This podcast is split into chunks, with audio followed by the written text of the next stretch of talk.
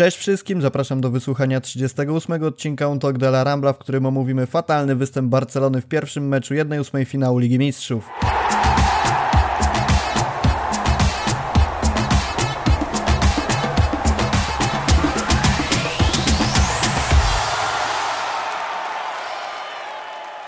Jest dzisiaj ze mną Maciek Łoś, który po dłuższej przerwie wraca za mikrofon i to jest chyba jedyna dobra informacja, jaką będziemy mieli Wam dzisiaj do przekazania. Cześć Maciek. Cześć, witam wszystkich.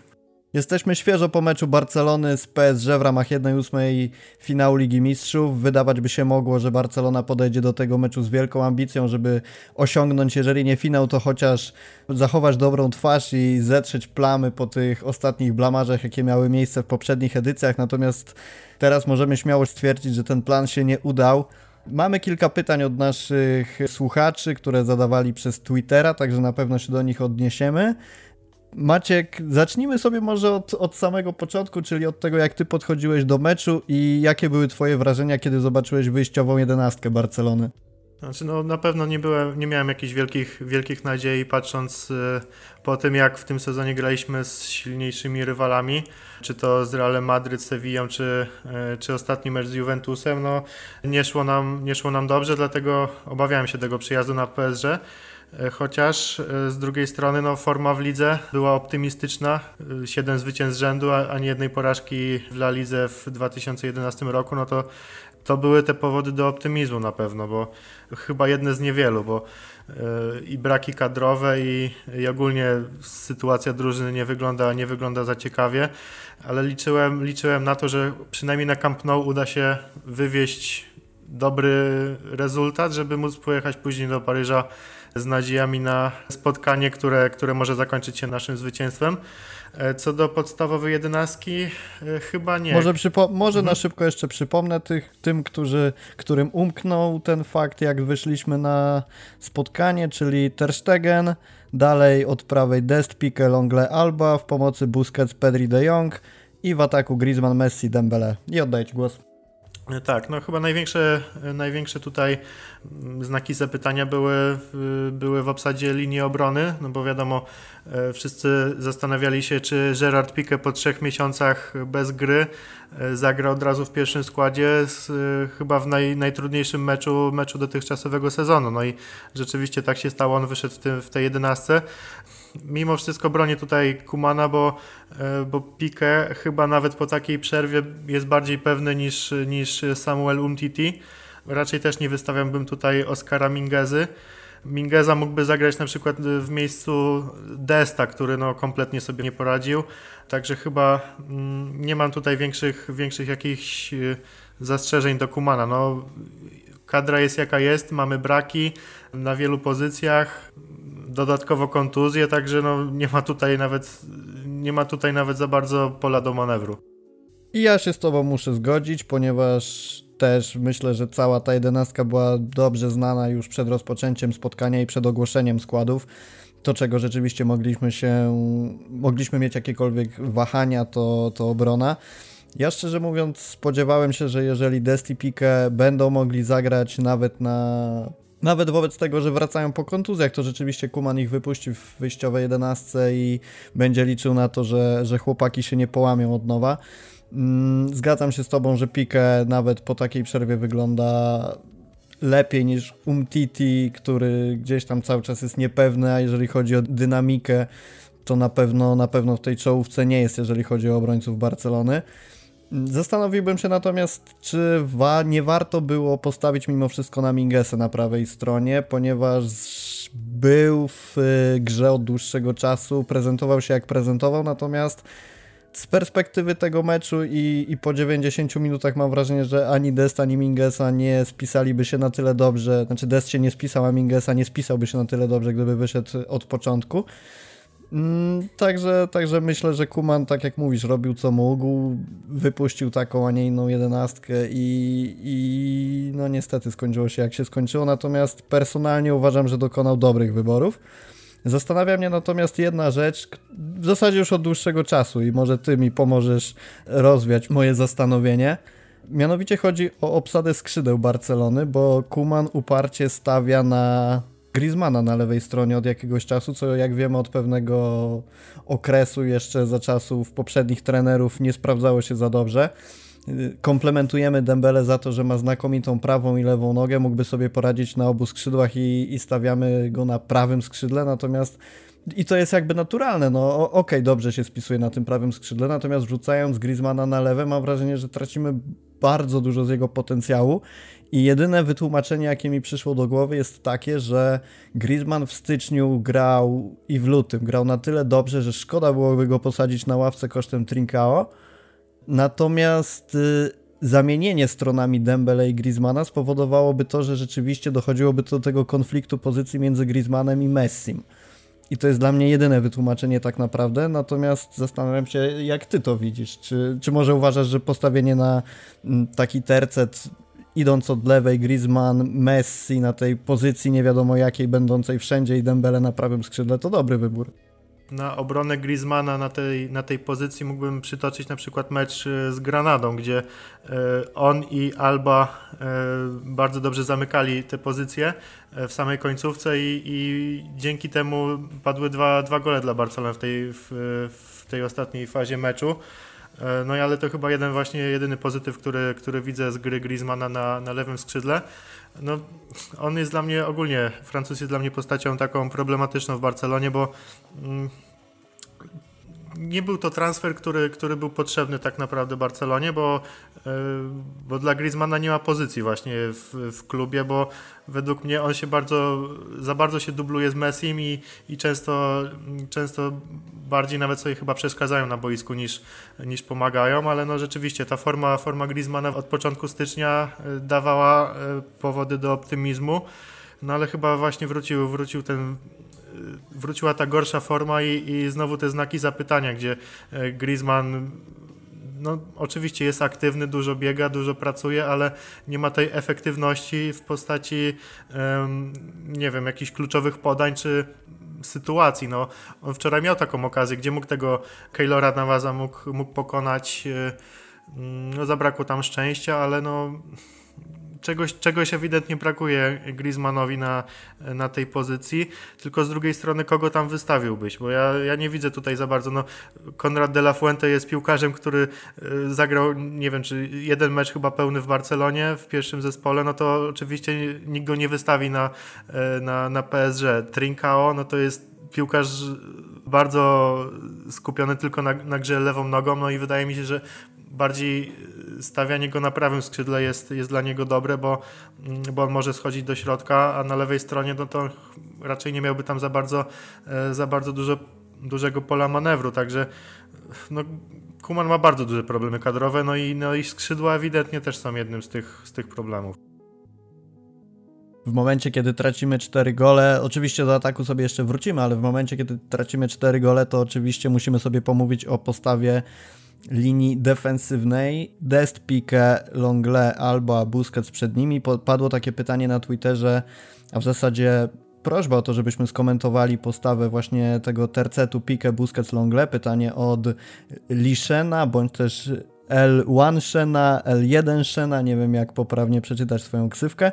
Możesz mnie poprawić w komentarzu. I również Jakub Pierzchała prosił o to, żebyśmy ocenili Longle. Dlatego zaczynamy. Ja wspomnę może na początek o Pique. Trochę sobie już powiedzieliśmy, że wystawienie go na pozycji tego stopera zamiast Umtitiego to wydawało być się dobrą decyzją i ja myślę pozostanę przy tym stwierdzeniu. Przede wszystkim to, co udało nam się wychwycić dzięki y, pustym trybunom, czyli to, w jaki sposób Pique zachowywał się wobec swoich kolegów, pokrzykiwał na nich, zdecydowanie był takim mentalnym motorem napędowym i starał się poprawić morale drużyny w momencie, kiedy rzeczywiście ta gra podupadała. O to też pyta Piotrek Bogucki, zaraz sobie wrócimy do jego wymiany zdań z y, Griezmannem.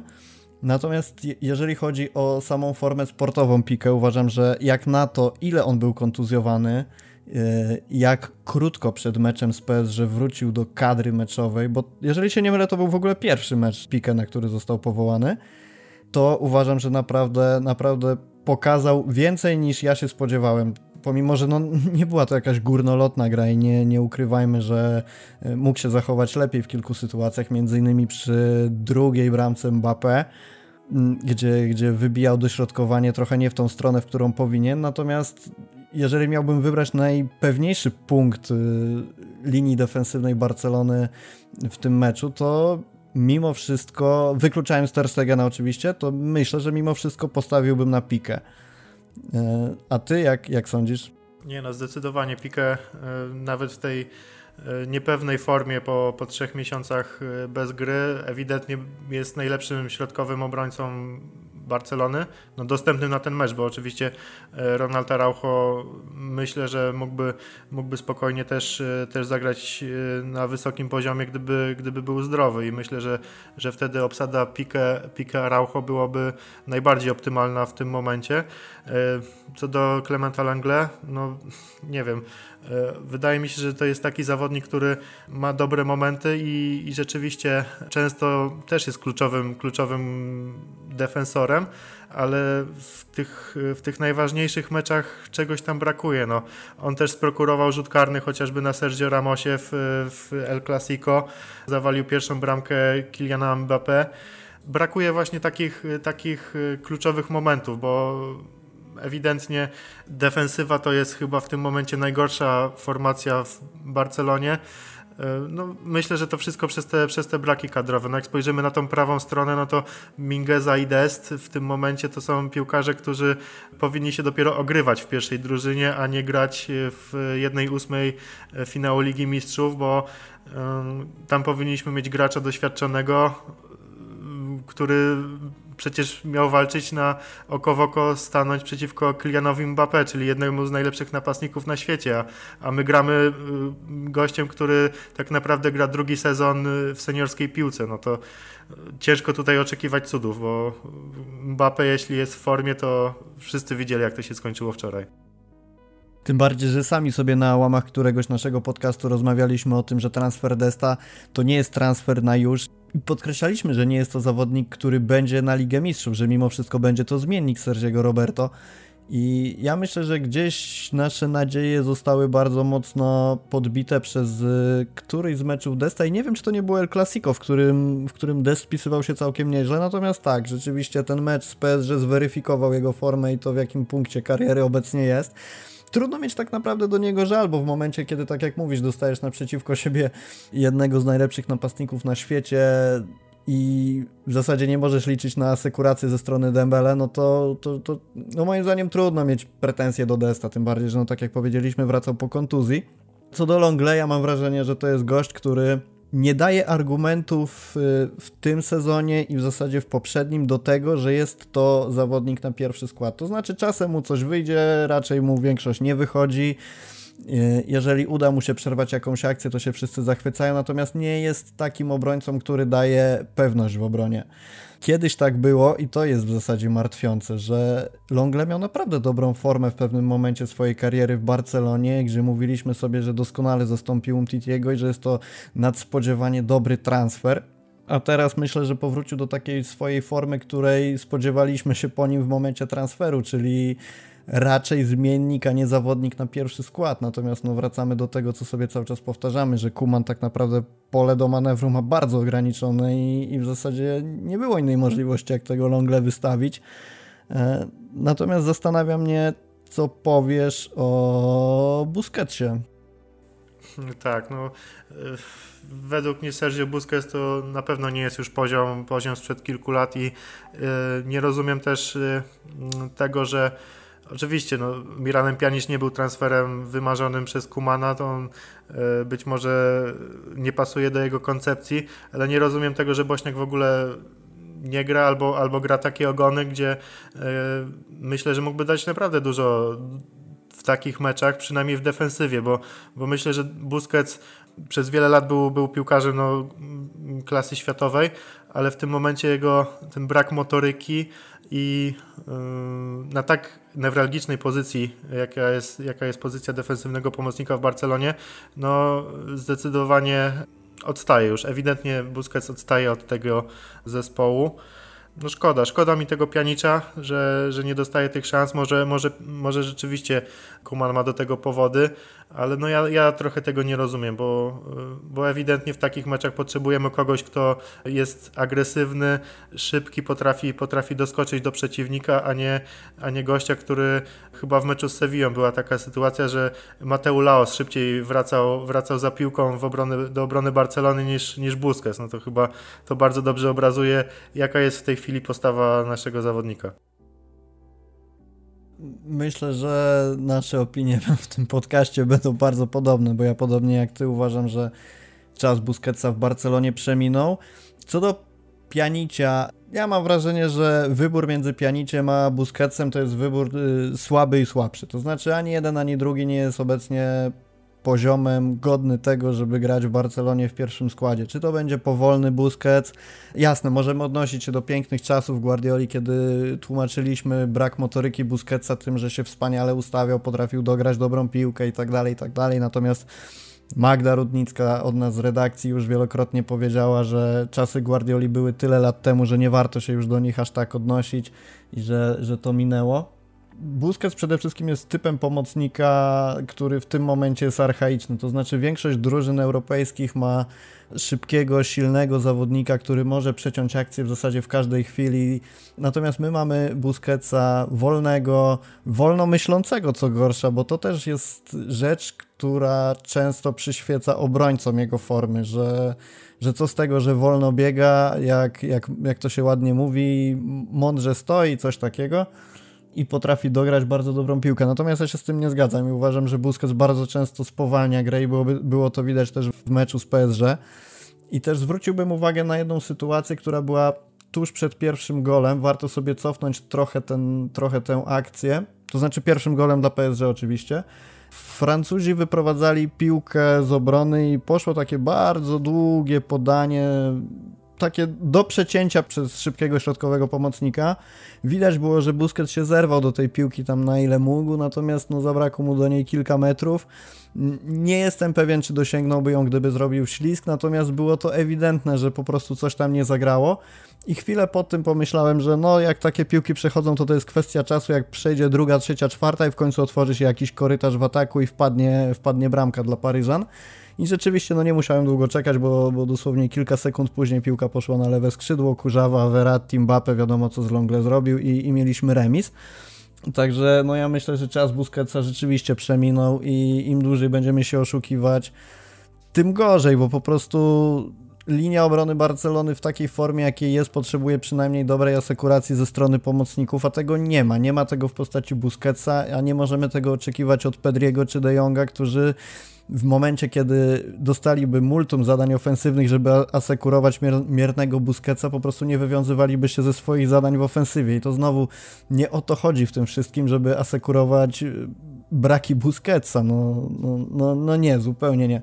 Swoją drogą też ciekawa sprawa, że Busquets w tym meczu z PSG był czwartym zawodnikiem pod względem prób odebrania piłki w pressingu co ciekawe, pierwszym zawodnikiem był Dembele, co bardzo mi się gryzło z obrazem meczu. Natomiast jeżeli sobie spojrzymy na, taka ciekawostka, jeżeli sobie spojrzymy na udane rzeczywiście odbiory w tym pressingu, to, to Dembele miał ich 3 na 15, Busquets w tym momencie wypadł rzeczywiście lepiej, bo miał ich 5 na 12, natomiast no, no i tak było to zdecydowanie za mało. Także podsumowując pytanie Liszena, a także Jakuba Pierzchały, pikę w miarę, tyle ile mógł, tyle zrobił. Longle z Busquetsem. Naszym zdaniem, no, no niestety nie jest to poziom, który gwarantował Barcelonie bezpieczeństwo w tym meczu. Zostając jeszcze chwilę przy pikę, kamery wyłapały taką sytuację, kiedy doszło do scysji i wymiany zdań, dosyć wulgarnych zdań między nim a Griezmannem. I ja jestem miło zaskoczony tym, że pojawiło się dość mało komentarzy odnośnie atmosfery w szatni Barcelony, bo spodziewałem się tego, że kiedy tłumaczenie tej rozmowy wypłynie rzeczywiście gdzieś tam do mediów społecznościowych, to zaraz się okaże, że Piquet trzęsie szatnią, klub Amigos i tak dalej, i tak dalej, że biedny Griezmann jest tłamszony przez kolegów, a Piquet powinien się zamknąć i tak dalej, i tak dalej, i tak dalej. Natomiast no od siebie chciałbym dorzucić krótko, że takie rozmowy po prostu na boisku się zdarzają jakby jest to zupełnie normalne. Każdy, kto, kto przebywał czy to na Orlikach, czy w wyższych klasach rozgrywkowych niż niedzielne kopanie piłki po obiedzie, wie, że bardzo często zdarza się zrugać kumpla jakimiś mocnymi słowami, bardzo często wulgaryzmami i nie ma co przywiązywać do tego większej wagi. Natomiast podkreśliło to postawę Pikę w tym meczu tak naprawdę, bo, bo rzeczywiście bardzo, bardzo przyjemnie patrzyło się na to, jakie, z jakim zaangażowaniem podszedł do tego meczu i jeżeli miałbym rzeczywiście doszukiwać się plusów w czymkolwiek, jeżeli chodzi o to spotkanie, to myślę, że, że to byłby jeden z niewielu. Mm, a ty co sądzisz o tej wymianie zdań? No, zdecydowanie zgadzam się z Tobą, że to jest po prostu stały element y, piłki nożnej i e, chyba teraz, jak y, w tym czasie, gdy kibiców nie ma na stadionie, e, być może częściej e, kamery czy, czy mikrofony wyłapują takie sytuacje. E, ale chyba, chyba też dobrze właśnie, że nie zostało to jakoś bardziej nagłośnione, bo no, media są znane z tego, że szukają, szukają sensacji, tym bardziej e, media katalońskie często wbijają same e, szpilki w swój własny klub, także o tyle dobrze, że chociaż tutaj, tutaj właśnie rozeszło się po kościach, tak, tak mi się wydaje. Ale no rzeczywiście, no takie sytuacje to po prostu stały element piłki. Obronę mamy załatwioną ale myślę, że przyczyn porażki możemy się doszukiwać także w innych formacjach. Co Twoim zdaniem jeszcze było istotne tym, że skończyliśmy mecz z wynikiem 1 do 4? Jak, jakie były przyczyny tej porażki według Ciebie jeszcze poza klapą w obronie? Myślę, że też nastawienie w drugiej połowie, przede wszystkim w drugiej połowie.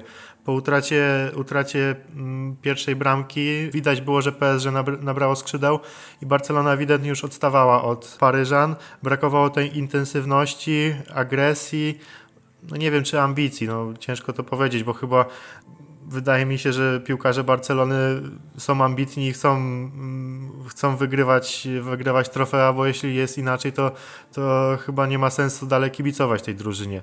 Ale no rzeczywiście PSG po prostu w drugiej połowie było drużyną zdecydowanie lepszą. No, można sobie gdybać, co by było, gdyby, gdyby Dembele strzelił, strzelił tą sytuację na 2-0. E, wtedy może, może mecz wyglądałby inaczej, ale w pewnym momencie chyba Barcelona, Barcelona straciłaby już te siły i, i PSG też by nadal atakowało i w końcu e, prędzej czy później te bramki by zaczęły padać, bo no, z tak grającą obroną, z niedoświadczonym destem po stronie Mbappé, no te sytuacje po prostu musiały, musiały nadchodzić i, no i skończyło się tak, jak się skończyło. Przed rewanżem, no yy, chyba wszyscy, wszyscy zdają sobie sprawę, jakie mamy szanse. I to jest cholernie zastanawiające w tym wszystkim, że to jest kolejny sezon, kiedy Barcelona podchodzi do meczu Ligi Mistrzów z tym, co mówisz, niekoniecznie brakiem ambicji, tylko brakiem jaj, nazwijmy to po imieniu, że jest tak naprawdę wynik 0-0 i gra Barcelony do karnego.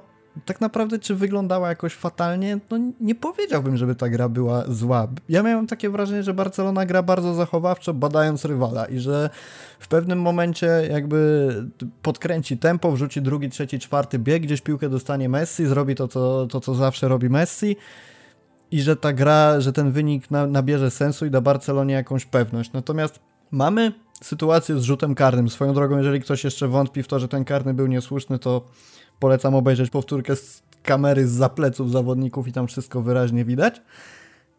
Mamy tego karnego, bardzo pewnie wykonuje go Messi, jest 1-0 i momentalnie Barcelona cofa się, oddaje środek pola i, i, i tak naprawdę dlaczego? Ja, ja tego nie rozumiem, bo zamiast właśnie przejąć inicjatywę, zamiast pójść za ciosem, wsadzić drugą bramkę, to co mówisz, Dembele miał okazję, wcześniej jeszcze Griezmann miał okazję, gdzie jeden i drugi kopnął piłkę tak jakby nie zjadł śniadania. O ile Griezmana możemy tłumaczyć tym, że rzeczywiście była to dosyć trudna sytuacja, gdzieś tam mu ta piłka do, do boku uciekała, o tyle Dembele ma piłkę na 16-15 metrze na swojej lepszej nodze, bo jak wiemy jedna, jedną i drugą ma dobrą. Przed sobą ma bramkarza i kopie kopie tak, że wszystkim przypomina się ten legendarny jego strzał, którym nie strzelił na, na 4-0 w meczu z Liverpoolem. Dla mnie to jest cholernie niezrozumiałe i to, co się stało, tak jak mówisz, po przerwie, że Barcelona wychodzi na ten mecz i totalnie oddaje pole gry. To jest, to jest coś niesamowitego i to, to, to nie jest pierwszy, drugi mecz. To, to samo było z Bayernem, to samo było z Liverpoolem, to samo było z y, PSG w tamtym meczu, co przegraliśmy, po którym była remontada. Roma dokładnie to samo. Jakby zupełnie niezrozumiałe jest to, że w tych piłkarzach nie ma żadnej sam, czy może samokrytyka jest jakaś pozorowana, natomiast nie ma żadnego taki, takiej autorefleksji próby zmiany tego. Może, może to jest już ten etap po prostu, że nie da się tego zmienić i po prostu tak będzie. Natomiast no, jeżeli po kolejnym takim meczu wyjdzie Alba i powie, że wyciągamy wnioski, no to, to nie, nie, nie, po prostu nie ma to żadnego sensu. Jeszcze odnośnie kwestii taktycznych. Ja byłem zszokowany tym, jak słabo działały skrzydła w tym meczu. O ile możemy sobie tłumaczyć Desta tym, że rzeczywiście jest młody, nieograny po kontuzji, Natomiast no też nie do końca rozumiem to, że zalicza 25 celnych podań, w czym w ogóle jest gorszy od Terstegena. To, to jest dla mnie szok po prostu. O tyle kompletnie nie działała lewa strona, a jakby to legendarne porozumienie Alby z Messim już chyba zostało przeczytane na wszystkie sposoby i kompletnie przestało funkcjonować. Może, może gdzieś tam w tych meczach ligowych, gdzie, gdzie przeciwnicy są słabsi i przepuszczają te piłki, będzie to funkcjonować. Natomiast jeżeli Barcelona chce na coś liczyć w kolejnych sezonach w Lidze Mistrzów, to mam wrażenie, że trzeba tutaj poszukać nowych rozwiązań. Zastanawiający był też brak De Jonga, jeżeli chodzi o akcje ofensywne, bo dobrą formę Barcelony w tym sezonie tłumaczyliśmy innymi poprawą gry Holendra, która znakomicie funkcjonowała w styczniu, znaczy Holender znakomicie grał w styczniu, właśnie dzięki temu angażowaniu się w akcje ofensywne. Tutaj nam to przyniosło co prawda skutek w postaci rzutu karnego, ale tak naprawdę jeżeli chodzi o wejście ofensywne De Jonga, to był jedyny moment. Z jednej strony zastanawiam się, czy to nie był właśnie element mm, ostrożności, powiedzmy nie wychodzenia za wysoko, bo mamy obronę jaką mamy, czy po prostu szeregi defensywne PSG były na tyle zwarte, że gdzieś się nie udawał ten manewr. Nie mam pojęcia, natomiast byłem bardzo rozczarowany tym, jak zagrał De Jong w tym meczu. I jeszcze pytanie do ciebie, co sądzisz o występie Pedriego? No cóż, no od Pedriego ciężko też y, oczekiwać cudów. Jest chłopak 18-letni, który no tak jak Kuman powiedział na konferencji prasowej, Pedri jest bardzo dobry teraz, ale za 4 lata będzie prawdopodobnie lepszy od każdego pomocnika PSG w tym meczu. E, no i chyba, chyba to jest prawda, bo młodzi gracze, którzy mają wielki talent, oni też potrzebują doświadczenia i e, oni mogą zdobywać doświadczenie w takich meczach, ale też nie może być tak, żeby e, gra opierała się, e, się na, jego, na jego barkach, a jeśli on ma do dyspozycji w środku pola Busquetsa, który no, e, już opisaliśmy, opisaliśmy jego, jego grę, Frankie de Jong, no to wiadomo, ciężko też się przyczepić do Holendra. Mi się wydaje, że, że tutaj główną rolę, e, mm, dlaczego ta pomoc Barcelonie funkcjonowała tak dobrze. Odpowiedzią jest dobra gra e, pomocników PSG, bo zarówno Verratti, e, Paredes i Idrissa Gueye no zagrali po prostu bardzo dobry mecz i zniwelowali zupełnie to niebezpieczeństwo ze strony, ze strony pomocników Barcelony. Także no, ja na pewno nie będę tutaj krytykował Pedriego, bo, bo według mnie niektórych piłkarzy na ten moment nie ma co krytykować. No, Desta też nie będę, nie będę ganił za to, że, że na jego skrzydle szalał Mbappé, bo, bo tak jak już wspominaliśmy, to nie jest piłkarz, który w ogóle powinien wystąpić w tym meczu. Od tego zacznijmy.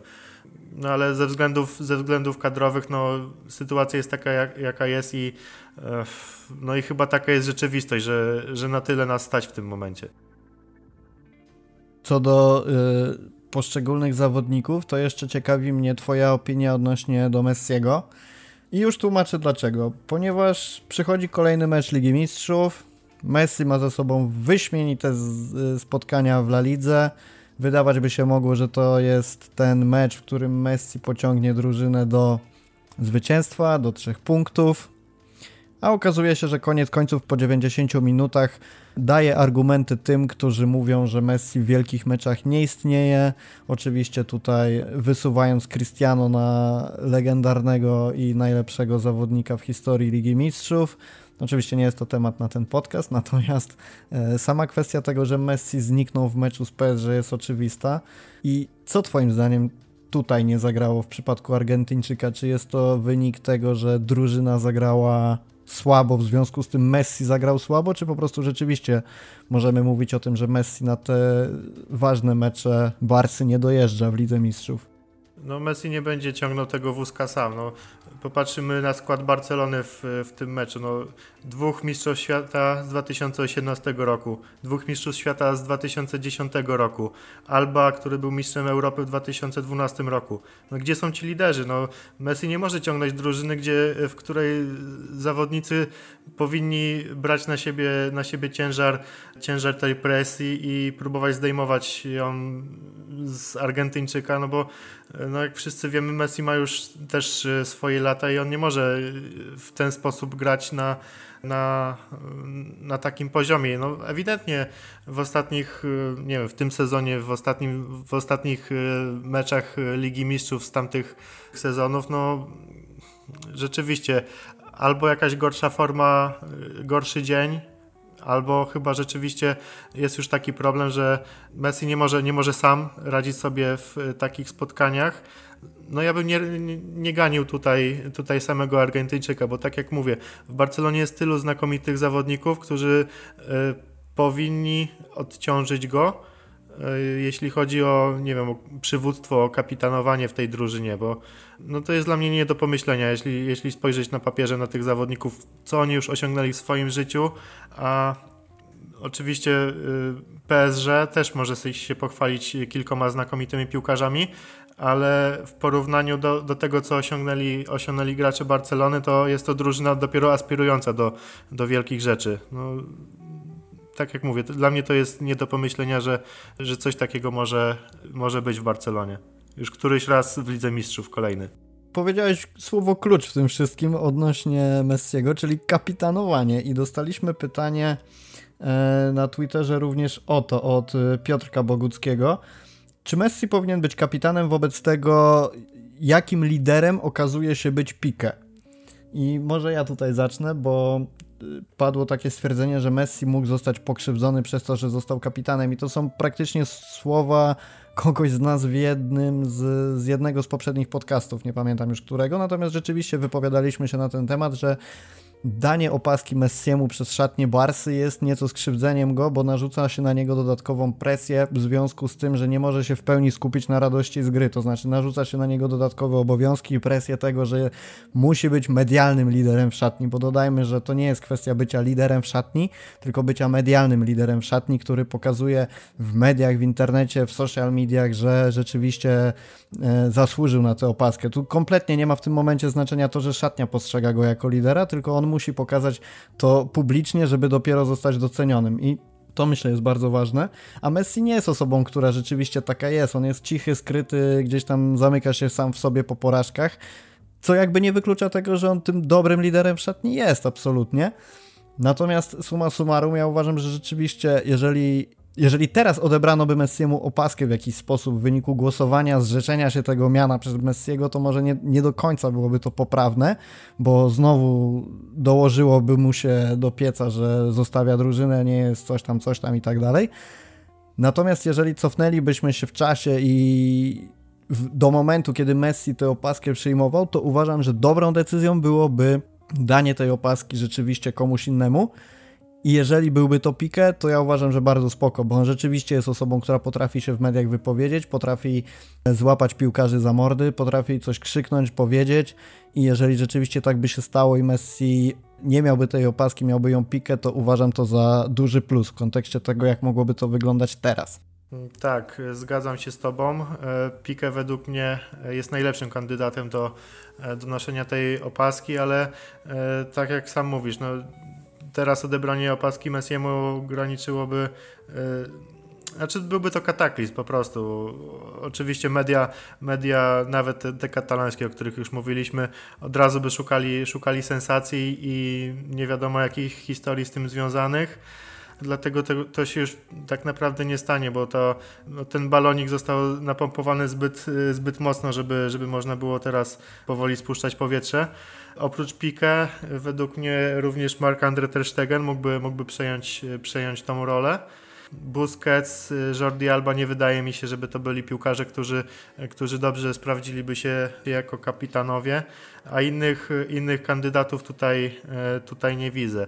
I rzeczywiście, jak był Xavi, Iniesta, przede wszystkim Pujol. No, Messi mógł, mógł skupiać się zupełnie na innych, na innych obowiązkach na boisku i no i był, widać było po nim, że był bardziej wolny, mógł, mógł grać to co, to, co chciał, a tutaj tak naprawdę wszystko jest na jego barkach i, i to on odpowiada głównie za, za wyniki drużyny, bo jeśli Barcelonie nie idzie, to, to najczęściej winnym jest właśnie Messi. A tak naprawdę nie jest to, e, nie jest to dobre stwierdzenie, bo, bo gra jeszcze 10 innych piłkarzy na boisku i e, oni w równym stopniu powinni być odpowiedzialni za to, co się, za te wyniki, które, które mamy. To wracając jeszcze na chwilę do kwestii samego meczu z PSG i odpowiadając naszej redakcyjnej koleżance Julii Cichej, jak możemy ocenić Kumana w perspektywie tego meczu.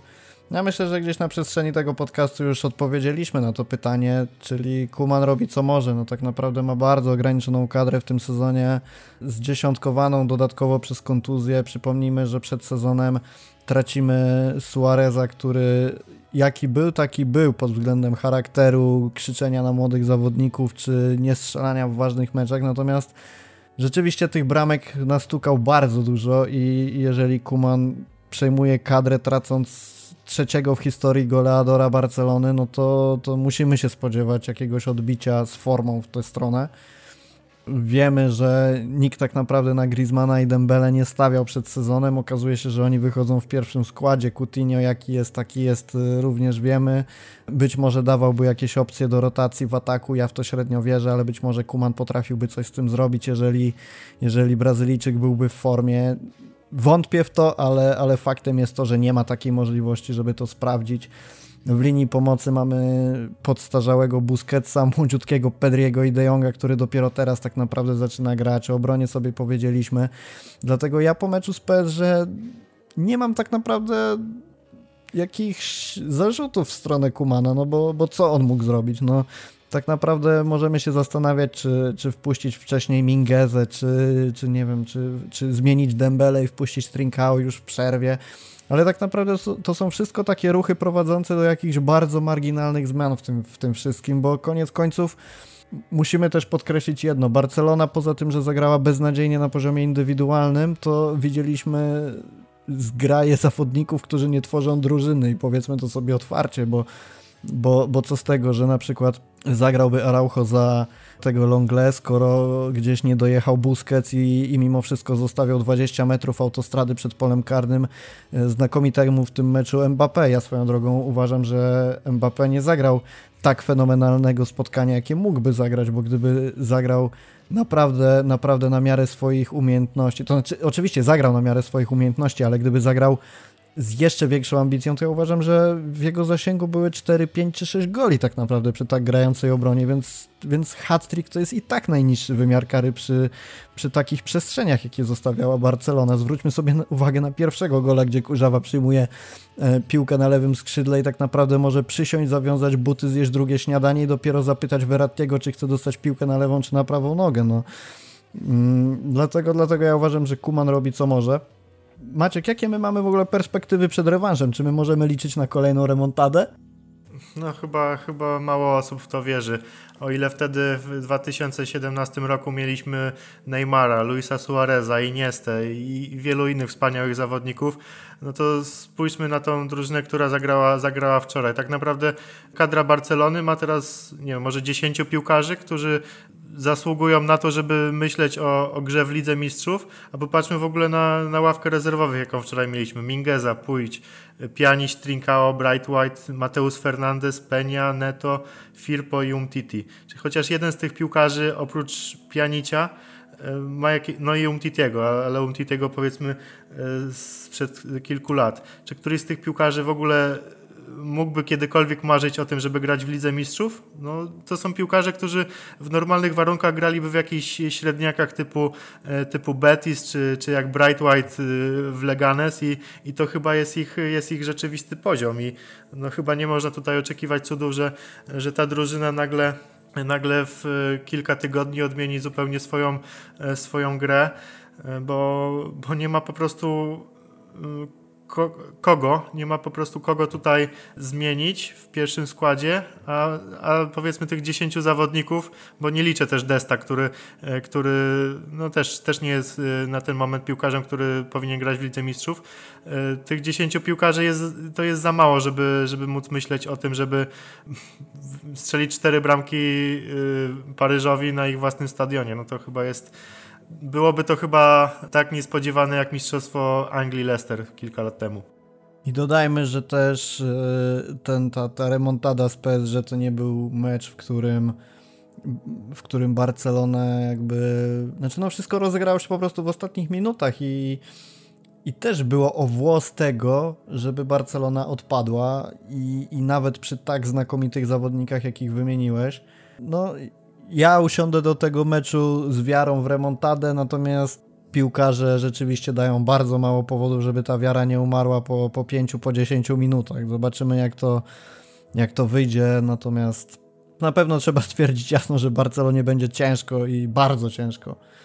Co ciekawe, teraz trwają takie rozmowy na temat tego, że planowany budżet Barcelony zakładał awans do ćwierćfinału i, i, i że te przychody, które klub miał uzyskać były rzędu tam chyba niecałych 11 milionów, 10,5 miliona euro bodajże. Więc kolejna ciekawa sprawa, jeżeli chodzi o zarządzanie klubem i, i zbieranie tych groszy.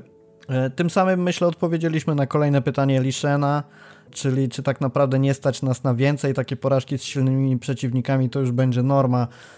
Ja myślę, że nie do końca będzie to norma, że będą mecze lepsze, gorsze, ale no, trzeba się zdecydowanie nastawić na to, że w perspektywie kilku sezonów Barcelona będzie się odbudowywać i nie mamy co liczyć na to, że droga do półfinału Ligi Mistrzów to będzie lekki spacerek i gdzieś te problemy zaczną się koło półfinału.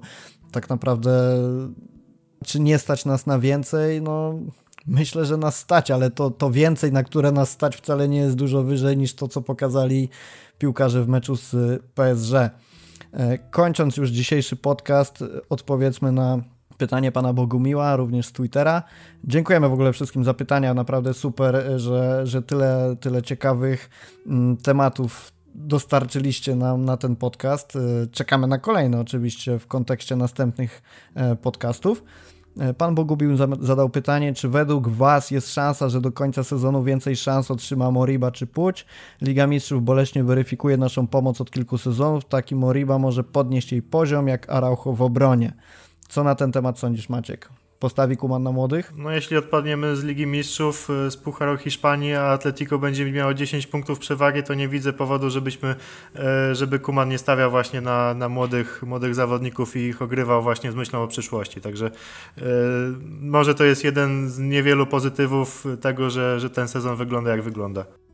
I ja się dokładam do tego, bo uważam, że jeżeli Kuman rzeczywiście podtrzyma to, co mówi na konferencjach, czyli to, że na młodych stawia, to odpadnięcie z Ligi Mistrzów, jeżeli takie nastąpi, odpadnięcie z Pucharu Króla i duża strata punktowa do Atletico spowodują, że Kuman będzie miał wspaniałe pole do popisu, jeżeli chodzi o ogrywanie młodych, będzie zero presji, przeciwnicy na poziomie, na którym oni rzeczywiście mogą trenować te mecze, trenować granie przebijać się do pierwszego zespołu. Natomiast jeżeli e, wyniknie taka sytuacja, o jakiej mówimy, że Barcelona zakończy sezon w marcu, a, a gdzieś ten kwiecień, maj ciągle będzie nam obfitować w piękne zagrania Busquetsa w pierwszym składzie, czy regularne występy bezbarwnego momentami Griezmana i tak dalej, no, to, to, to, to nie, to ja uważam, że, że, że, że Kuman zupełnie źle do tego podejdzie, bo jeżeli mówi non-stop o sezonie przejściowym, to, to taki moment na ogrywanie młodych jest najlepszy i, i nie będzie miał lepszego, bo jeżeli przyjdzie kolejny sezon, to, to on już powinien mieć zawodników w pełni ogranych i go, w pełni ogranych to może dużo powiedziane, ale przynajmniej gotowych walczyć o te punkty, czy to na arenie krajowej, czy, czy na arenie europejskiej, oczywiście zakładając, że Kuman pozostanie trenerem, bo tu jeszcze wszystko może się zdarzyć tak naprawdę będziemy się z Wami powoli żegnać. Nie wiem, czy udało nam się znaleźć jakiekolwiek plusy w dzisiejszym podcaście. Było ich na pewno mało, ale jeżeli w jednej ósmej Ligi Mistrzów Barcelona na swoim stadionie przegrywa 1 do 4 z PSG, znacznie oddalając się od możliwości awansu, to myślę, że nie będziemy na siłę tutaj tego przeciągać i szukać pozytywów w tym, że Ter Stegen obronił kilka piłek albo, albo powtórzyć to, że Pique pokrzykiwał na swoich kolegów, bo, bo to byłoby duże naciąganie tych plusów. Najlepsze, najgorsze. Błażej wymienił Terstegena. My się możemy z nim tylko zgodzić i zaprosić Was na kolejny odcinek. Jeszcze raz dziękujemy wszystkim, którzy zadali pytania. Pamiętajcie, że pod hashtagiem UTDLA Rambla możecie nas złapać na Twitterze, YouTubie, w komentarzach u nas na Rambli, na stronie, w komentarzach na fcbarsa.com pod artykułami. Zapraszamy serdecznie do dzielenia się opiniami na temat dzisiejszego nagrania. Był dzisiaj ze mną Maciej Łoś, dzięki wielkie. Dzięki, do usłyszenia. I ja nazywam się Rafał Kowalczyk, również dziękuję i do usłyszenia w kolejnych odcinkach.